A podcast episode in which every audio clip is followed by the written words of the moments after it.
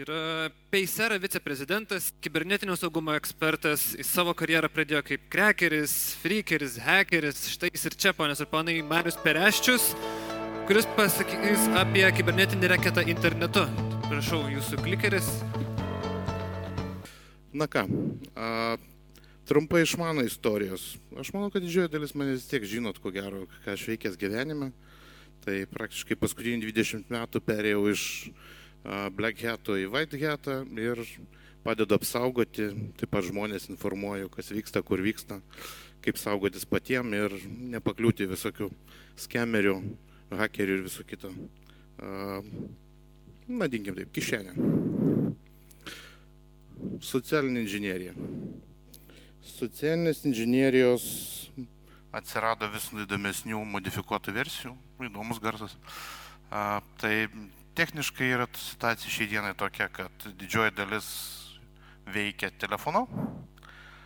Fizinės socialinės inžinierijos atveju bent jau Lietuvoje man neteko girdėti rimtesnių, išskyrus tyrimus. Tai aš manau, kad vis dėlto reiktų laukti įdomesnių apraiškų, tokių kaip balso keitimas, šiaip įdomus garsas. Turit kažkokių problemų, atrodo. Aidas iš kažkur atsiradęs. Tai e, bėdos yra tokios šiai dienai, kad labai daug yra skambinančių telefonų ir siūlančių um, įvairias paslaugas. Dažniausiai rekomendacijos investuoti į kažką. Tai praktiškai dažnai yra bitkoinai, kriptovaliutos, kitos akcijos ir panašiai. Skambučiai, jei anksčiau būdavo estiški numeriai, tai šiai dienai yra ir lietuviški. Jeigu anksčiau buvo anglakalbiai iš Indijos, Pakistano, tai juos pakeitė rusakalbiai iš estiškų numerių, nors realiai skambučiai yra daromi iš skambučių centrų Rusijoje ir Ukrainai. Nauja banga teko girdėti kelis skambučius ir lietuvių kalba. Tai turime jau ir skem skambučių centrų Lietuvoje. Taip pat teko matyti kelis skeminius skambučių centrus Lietuvoje fiziškai kurie yra orientuoti į lenkiškai kalbančią auditoriją. Mano manimu, kad jie dirba iš Lietuvos tam, kad apgaudinėti žmonės Lenkijai. Įkūrėjai Latvijai, kaip bebūt keista. Tai jeigu žiūrėti į rusakalbius, ant kurių daugiausia papuola lietuviai, tai rusakalbiai su rekomendacijom investuoti bitkoinus, į Forexą, į akcijas. Veikia, na, tokia paprasta schema. Paskambino, suinteresuoja, dažniausiai vyresnio amžiaus žmonės, investuokit tūkstantį kitą, po to uždirbsit iki 30 procentų per mėnesį ir panašiai. Ko pasiekoje gaunasi taip, kad pirmas iš veiksmų yra perėmimas kompiuterio valdymo. Jums sudeda TeamViewerį arba modifikuotą versiją VNC ko pasiekoje jūs tampate pilnai valdomas ir iš lėto pradedama manipuliuoti jūsų pinigais. Nakties metu yra jungiamasi prie jūsų kompiuterio ir jūsų vardu ir jūsų rankomis buktai yra daromos investicijos. Savaitė, dvi, trys jūs netenkat visų pinigų, kuriuos investavot. Tada pabandoma pažaisti su tuo, kad a, jums pasiūloma investuoti dar šiek tiek, įnešti pinigų tam, kad atsipirktumėt ir spaudžiama iki tol, kol jums baigėsi pinigai. Um, lengviausias variantas bankrotas, sunkiausias variantas turiu atvejį, kai moteriškė nusižudė. Lietuvoje paspaudimo investuoti dar ir dar, nors ištaškė visus šeimos santopas. Šia visiems tai yra labai įdomi. Nu, okei, okay, papasakosiu apie PCR tarpę. Kad uždaryti klausimus, gal turėsite įdomesnių klausimų. A, nu, okei, okay. pirmasis daugiau ats, savautinta. A, kibernetinio saugumo situacija PCR, tai jeigu šnekėti iš mano pusės, aš PCR dirbu su tarptautinė plėtra, atidarinėju PCR atstovybės kitose pasaulio šalyse ir kontinentuose. Tai šiuo metu mano targetas yra Afrika, Balkanai, germanų kalbančios šalis ir, kaip bebūt keista, Centrinė Amerika. Centrinėje Amerikoje, taip pat ko gero neužilgo išgirsit atidarytą peiserą su elektroninė pinigų licenzija. Situacija peiserą su kibernetiniu saugumu gana nebloga, sakyčiau. Vidiniai resursai apsaugoti, viskas suizoliuota, iš išorės turime visą krūvą skemerių, kurie peiseros vardu bando apgaudinėti žmonės reaguoja Paysera gana greitai. Tai notifikavimas vartotojų ir um, žaidimas su hakeriais. Žaidimas dažniausiai yra susijęs su tuo, kad mes identifikavę nulaužtus akauntus pagal savo metodologiją su dirbtiniu intelektu, mes nulaužtą akauntą patalpinam į sandboxą kur apribojam visas vartotojo veiksmus. Tai yra, jeigu yra akantą nulaužę ir yra galimybė daryti pavedimus į išorę, nu, jis tų pavedimų nepadarys, jie bus užšaldyti. Tai jeigu jūs norit pasižaisti, galim pasižaisti, nes mes kartais mokam pasižaisti ir su kitais bankais, su telekomunikacijų bendrovėm, kurios identifikuos fizinį asmenį, jo buvimo vietą, įrenginius, su kuriais jis naudojasi ir kurie yra šalia Na ir visa kita. Mes turim tokių paslėptus receptėlių, su kuriais žaidžiam. Tai aš manau, kuo toliau to bus įdomiau peiserai kolegom dirbti, saugumo padalinyje, visa kita. Peisera, bendradarbiavimas, filmai visa kita, moralinė pusė. Kieno klausimas? Na, va, matot, vis, vis, visi labai drąsus tol, kol nereikia atsakyti. Tai situacija yra labai paprasta. Moralinė pusė yra tada, kai yra teismo sprendimai. Filmai in ir keletos kitų svetainių savininkai ir bendrovės ar privatus asmenys fiziškai nėra Lietuvos piliečiai ir gyvena ne Lietuvoje. Ar mes galime suteikti ne Lietuvos piliečiui galimybę atsiskaitinėti per peiserą kaip mokėjimo agregatorių? Atsakymas taip nes neturime juridinės teisės viso to uždrausti. Iš moralinės pusės, nu, žiūrėkit, yra linkomanija. Yra kokie nors lietuviški kiti portalai legalūs. Pavyzdžiui, žmonių kino teatras. Ar jie legaliai veikia Lietuvai? Legaliai. Jie legaliai surenka pinigus, legaliai. Ar mes turime legalią teisę juos uždrausti? Nu ne. Tai jeigu mes neturime teisės juridiškai filmai uždrausti, tai mes neturime teisės ir žiūrėti tos dalykus iš juridinės pusės. Nes tokiu atveju mus kaip peiser ar kitą agregatorių jie pados į teismą ir prisiteis savo negautinas pajamas. Neturim galimybės tokios šiai dienai riboti ar uždrausti. Iš kitos pusės mums uždarius atsiras kitas agregatorius, kuris perims mūsų eilę. Aš tai manau, kad tai yra kova su vėjo malūnais nepatiks jiems atsiskaitimas kortelėm ar pavedimais, perės į kriptovaliutą. Kol bus vartotojai, kurie naudos paslaugą, tol jie galės ir atrasti būdą, kaip surinkti atsiskaitimus. Gerai, važiuojam toliau. Socialinė inžinierija klasikinė telefoninė papasakojau. Su fizinė šiai dienai kol kas yra tik tai dalykai susiję su skelbimais, kai atsiranda tarpininkai, kurie bando periminėti e, ir daryti skelbimų kopijas. Na, kaip pavyzdys, yra autopliusas, kuriame įdėtas skelbimas, panaudojant nuotraukas iš MobileD. Net su uh, automobilio VIN kodais, su viskom. Ir tau yra siūlomas automobilis, kuris neegzistuoja. Uh, susirinkami dažniausiai avansai, nes aš negaliu šiuo metu su jumis susitikti, bet kitą savaitę kažkas susitiks. Na ir panašus dalykai.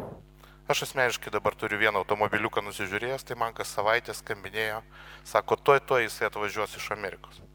Tai aš sakiau, kai fiziškai pamatysiu, tada galim bus išnekėti apie sekantį dalyką. Ir mane viskas savaitę skambina ir ragina, nu toj toj. Tai palauksim.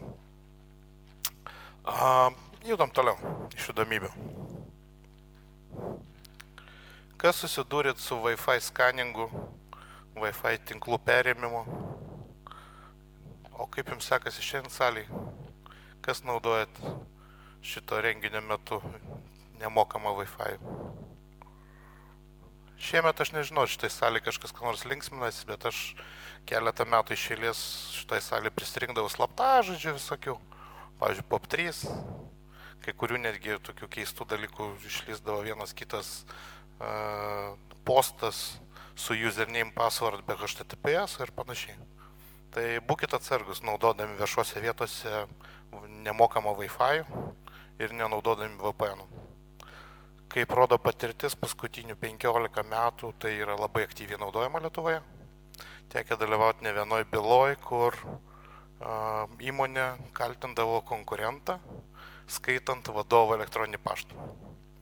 Panašiuose renginiuose pasinaudojus Free Wi-Fi, uh, buvo pasitikrintas paštas per POP3, be sertifikatų, be nieko perimtas loginas slaptažodis ir konkuruojančios firmos vadovas tikrindavo paštą. Nu, ten visokie viešieji pirkimai, pasiūlymų teikimas, visa kita. Ta įmonė, kurios paštą skaitydavo, praktiškai nelaimėdavo jokių konkursų pusmetį. Džiaugiuosi, kad tų dviejų įmonių Lietuvoje nebėra. Nu, jos tiesiog bankrutavo. Jos buvo iš to penketuko. Um, Daugiau iš linksmybių yra tai, kad kai kuriais atvejais yra žaidžiamas su sesijų perėmimu ir kukių perėmimu. Tai irgi yra daug rizikos, kad um, jūsų mobilaus įrenginio arba kompiuterio, kuris naudoja Free Wi-Fi, uh, duomenys bus ekspausinti ir bus panaudoti ateityje. Kas žinot, kas yra atviri duomenys? Atviri asmeniai duomenys mažai, mažai ko gero, kas šiek tiek simboliškai. Lietuvoje mes neturim kol kas šitos problemos, bet mūsų kolegos JAV, mūsų kolegos kitose ES šalyse turi didelę problemą su tuo, kad a, vietos, kuriuose yra saugomi mūsų asmeniai duomenys, gyventojų registras, a, sodra, mokesčių inspekcija, registrų centras, regitra ir krūva kitų organizacijų yra pažeidžiamos. Ir jų duomenų bazės tikrai nėra 100 procentų saugios. Labai norėčiau tikėti kitaip, bet pas kolegas problemos buvo tokios, kad yra vienai par kitaip perimami duomenys.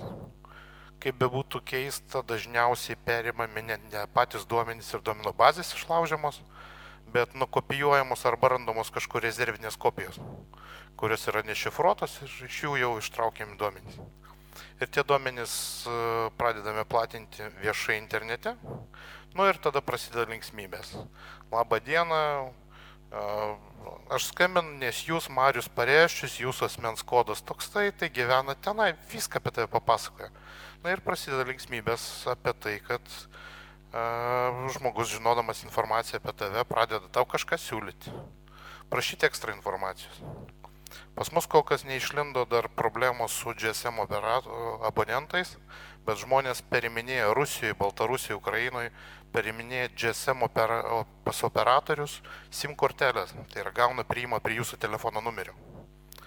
Telefonu paskambina, kad yra užblokuota, kad būtų užblokuota kortelė, tada paskambina iš organizacijos ir pasako, kad mūsų darbuotojo kortelė ten Vokietijai buvo pamesta su visų telefonu, atkurkit mums numerį, atkūrus numerį su atkurtų numeriu yra atstatomi messengerio visi pasijungimai ir gaunamos kopijos, taip pat yra perimamas paskiros, gmailas, elektroninis paštas kitose platformose, LinkedInas, Facebookas, na ir kiti socialiniai tinklai.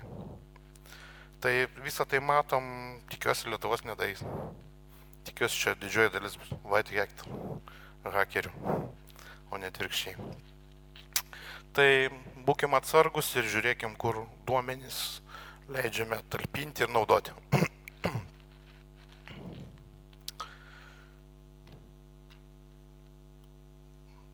Daug kas sako, kad vis dėlto internete mums reikia saugotis, ir saugotis tiek mums patiems, tiek mūsų organizacijai. Bet yra toks vienas namų darbas. Pabandykit užsakyti ataką į save. Pabandykit užsakyti informacijos vagystę apie save. Ir pažiūrėkit, kokius rezultatus gausit. Um, žinokit, kai kuriais atvejais labai yra keista ir labai įdomu, nes uh, atkasa 10-20 metų informaciją apie tave ir ta informacija kartais yra tikrai kritinė ir jie pasinaudojus galima pridaryti rimtų šposų, perimant ir asmenybę ir perimant duomenys ir kai kuriais atvejais netgi tos duomenys panaudojant, pakeičiant informaciją tiek finansinės institucijas, tiek valstybinės. Tai labai siūlyčiau kiekviena iš įmonių bent kartą per 3, per 5 metus užsisakyti a, kibernetinę tatą arba pentestingą į savo interneto svetainę, vidinius ir išorinius resursus. Taip tai kainuoja pinigus, žinokit, bet sutaupysit smarkiai daugiau.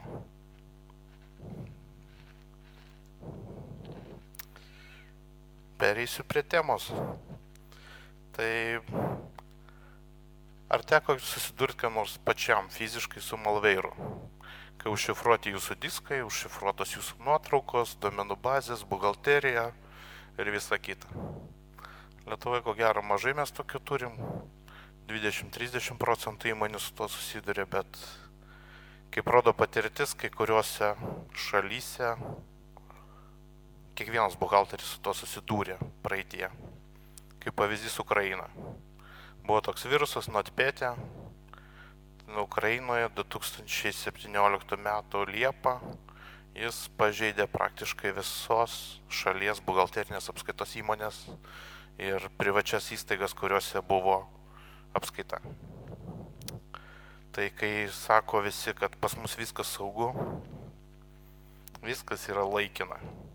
Laikina, kai kuriais atvejais galima sverti pinigais, kai kuriais atvejais žmogiškais resursais, kai kuriais atvejais tik tai laiku. Ir kai kuris malveiras ateina ne kaip virusas, o kaip tiesiog kažkas softo update'ai, naršyklė pasigauni kažkokią tai tulbarą ar dar kažką. Na ir tada prasideda linksmybės. Iš lietuviško malveiro dažniausiai atskrendantis per remote desktopą, neapdeitintų softą. Tai tokių tikrai ne vieną mačiau. Nu, kažkokia poliklinika, kraujo centras, mokslo institucijos didesnės, 6-8 serveriai. Mano didžiausias rekordas buvo logistikos kompanija Vokietijoje, kuris sumokėjo 160 tūkstančių eurų tam, kad gautų raktus dekoduoti duomenys. Kompanija turėjo 10 laivų nepilną, kurie plaukė su konteineriais po visą pasaulį. Ir nebuvo pasirinkimo jokių. Rezervinių kopijų normalių nėra, su laivais ryšių nėra ir reikia šią naktį viską atgauti. Ten iš įdomesnių dalykų buvo tai, kad buvo uh, dvigubai šifruota. Ir įdomu buvo tai, kad žinodamas, kad su, vadinkim taip, Malveiro sąsų galima dėrėtis, mano klientas nuderėjo iki 120 tūkstančių, atgavo raktus, gavo duomenys, bet ne visus skambina, Mariau, at ką daryti, nu, at, susimokėjom, bet atsintė, mes atšifravom, bet ne viskas. Sakau, parašyk laišką. Sakyk, va, ne viską gavom, gal ne visus raktus atsintė. Ne, tai sako, nu, tai kiek susimokėjot, nu, tai tiek ir atgavot. Mariau, ką daryti daugiau, aš jiem nebenoriu mokėti. Sakau, duomenų reikia, reikia, mokėk. Jis sumokėjo likusius, atgavo viską. Tai vat, e, teko bendrauti su tai žmonėm, kurie turi Malveiro tinklus. Jų paprastai klausi, nu kodėl? Just business. Jeigu kažkas daro klaidas, kiti atranda tas klaidas, mes tas klaidas monetizuojam. Čia panašiai kaip eisi gatvę, rasi kupiūrą šimtinių numestą ant gatvės. Nu, pakelis. Vienas nuneš į policiją kitas sėdės į kišenę, trečias gal išdalins kur nors. Tai Malvaro sasas maždaug taip pat ir atrodo. Kažkas rado būdą, kaip uždirbti. Uždirbti iš nelegalių dalykų. Iš to uždirba. Kai kurie Malvaro tinklų savininkai yra ne cyber security žmonės. Jie tiesiog verslininkai.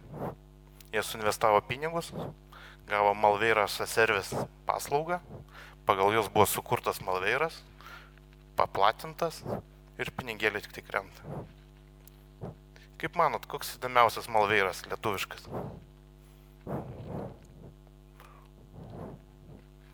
Nepatikėsit. Turbūt žino tokį žmogų, Ugnių Kiguolį.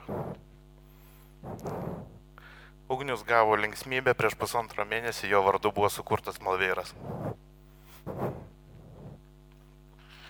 Tai irgi buvo klausimas iš jo, o ką toliau daryti?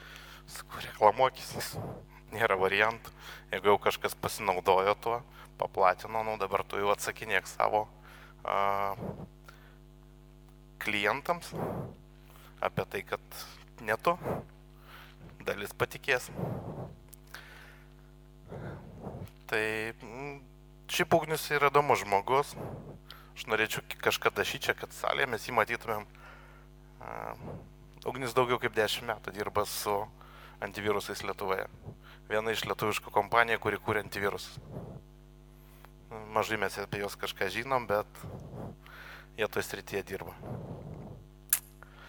Na nu, ir aišku, yra oponuojanti pusė, tie, kurie kūrė virusus, kurie pyksta ant jų, nu, tai va tokiais jokeliais ir žaidžiasi. Na ką, važiuojam toliau. O čia daug visko. Aš manau, kad nemaža dalis iš jūsų interneto things dalykėlius yra namuose bandę, kas kameras, kas apsaugos įvairius daiktus. Kitais metais, 21 bus 20 metų, kai aš pirmą kartą prašneku apie interneto things reikalus ir jų saugumą. Pirmas mano pranešimas šitą temą buvo Cebit parodoje Vokietijoje kartu ant scenos mes buvom su Eugenija Kasperskiu ir mes jau tada pasakojom, kas bus, jeigu šaldytuvai užpuls mūsų automobilius, o čia dar prisijungs lygintuvas. Tada atrodė kažkaip mistiškai, jokingai. Bet šiai dienai visą tai egzistuoja. Ir manau, kad sekanti banga jau bus nebe šaldytuvai skalbimo mašinos, o kažkas mažesnio. Laikrodžiai, implantai, e, nanobotai kraujyje ir panašus dalykai. Tai jau egzistuoja ir apie tai mes jau šnekame tarptautinės konferencijos. Tomo nematau čia salėje. Tomas pas Microsoft'o konferenciją iš viso pasakojo apie nanobotų kraujyje nešančių vaistus ir, ir, ir degonį, e, laužimą. Na nieko, gal kada nors irgi aplankys. Tai atsargiai su Smart House'u, jeigu turit galimybę, maksimaliai izoliuokit visus įrenginius, o jeigu įrenginys yra out of updates, out of, uh, vadinkim tai, priežiūra arba kompanija nu, numirus, stenkitės, jeigu neišeina suizoliuoti, tiesiog jų atsisakyti. Nepykit, bet taip. Pigių kinietiškų kamerų iki 50 eurų nebūna, neegzistuoja padovanokit kam nors, nu, ko nemėgstat. Čia kiektis neleidžia. Na ir viskas iš mano pusės su prezentacija. Kadangi aš dar turiu 9 minučių, palinksminkit klausimais, o tai ten apie last pasus kažkaip nerimta. Klausimas buvo apie Intelį. šitam pastate pirmą kartą apie Intelį ir apie, bijau sumeluoti, man atrodo, 815 motininę plokštę Intelio su kreivu biosu aš nekėjau per Intelio konferenciją. Aš tada buvau išjuoktas, tai neegzistuoja, tai negali būti ir visa kita. Mes jau tada laužėm biosus ir biosuose instaliavom pluginus papildomus tada pranešime mano buvo atvirai pasakyta, kad Intelis gamindamas Kinijoje savo įrangą neprižiūri programinės įrangos, kuri yra atidu, instaliuojama į Intelio pagamintą produkciją. Tai klausimas buvo jiems užduotas maždaug taip, ar Intelis gali garantuoti, kad įranga, kuri ateina iš Taivanio, su Intelio čipsetais, su Intelio pakuotė, yra neapkresta. Intelis ne, negali būti, mes visur viską tą patį gaminam, visur eina ta pati programinė įranga, o ten buvo situacija tokia, kad ant Intelio BIOS atsirandasdavo e, virtualizacija, kuri leidžia perimti kompiuterio valdymą ir visą kitą. 15 metų. Viskas pasitvirtinom. Tiesa, Intelis po to atsiprašė. Nu, bet praeis 8 metam. Gerai, judam toliau. LastPassas, Strong Passwordai, visą kitą. Aš naudoju RoboFormą. Naudoju jau ketvirti metai. LastPassą taip pat naudoju kai kuriuos, vadinkim taip, instaliacijose, bet naudojam enterprisinį, kai daug vartotojų naudoja tos pačius slaptažodžius, be galimybės juos peržiūrėti. Tik tai fill-in paslauga. Gana patogu. Aišku, turim lietuvišką produktą jau. NordVPN publika iškėpė savo slaptažodžių saugyklę. Nu, tikėsimės, kad jiem irgi seksis gerai. Niekas nenulauš ir važiuos. 5G. Pasiliekam tą desertui vėliau. Važiuojam apie Erfidus. Erfidai, žinokit, nepatikėsit, turėjau rugsėjo mėnesį susimplantuoti, gal net per šitą parodą. Implantai, kurie turėjo atvažiuoti pas mane, turėjo būti dual čipiniai. Tai yra dviejų dažnių, net važiavo. Spalį užstreaminsiu, parodysiu, kaip implantuojasi pats gyvai. Gal dar kažkokių norinčių bus, galim bus pasidalinti. Tai aš už tiek ir feediniai, tiek NFC-škiniai, tiek kiti, nes dabar jau atsiradė visokių kitų įdomybių, tokių kaip su RFIDiniu čipu, kuris yra implantuotas, galiu turėti ledinį prožektorių.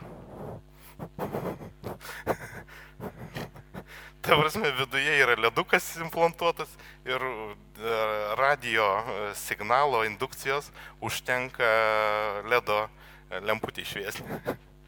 Čia vienas iš. O šiaip iš įdomesnių, jeigu norit pasižaisti pigiai, tai yra neodimio magnetų implantavimas į piršto priekį, kad jaukti, jausti šiek tiek atsirastų dar vienas papildomas jausmas.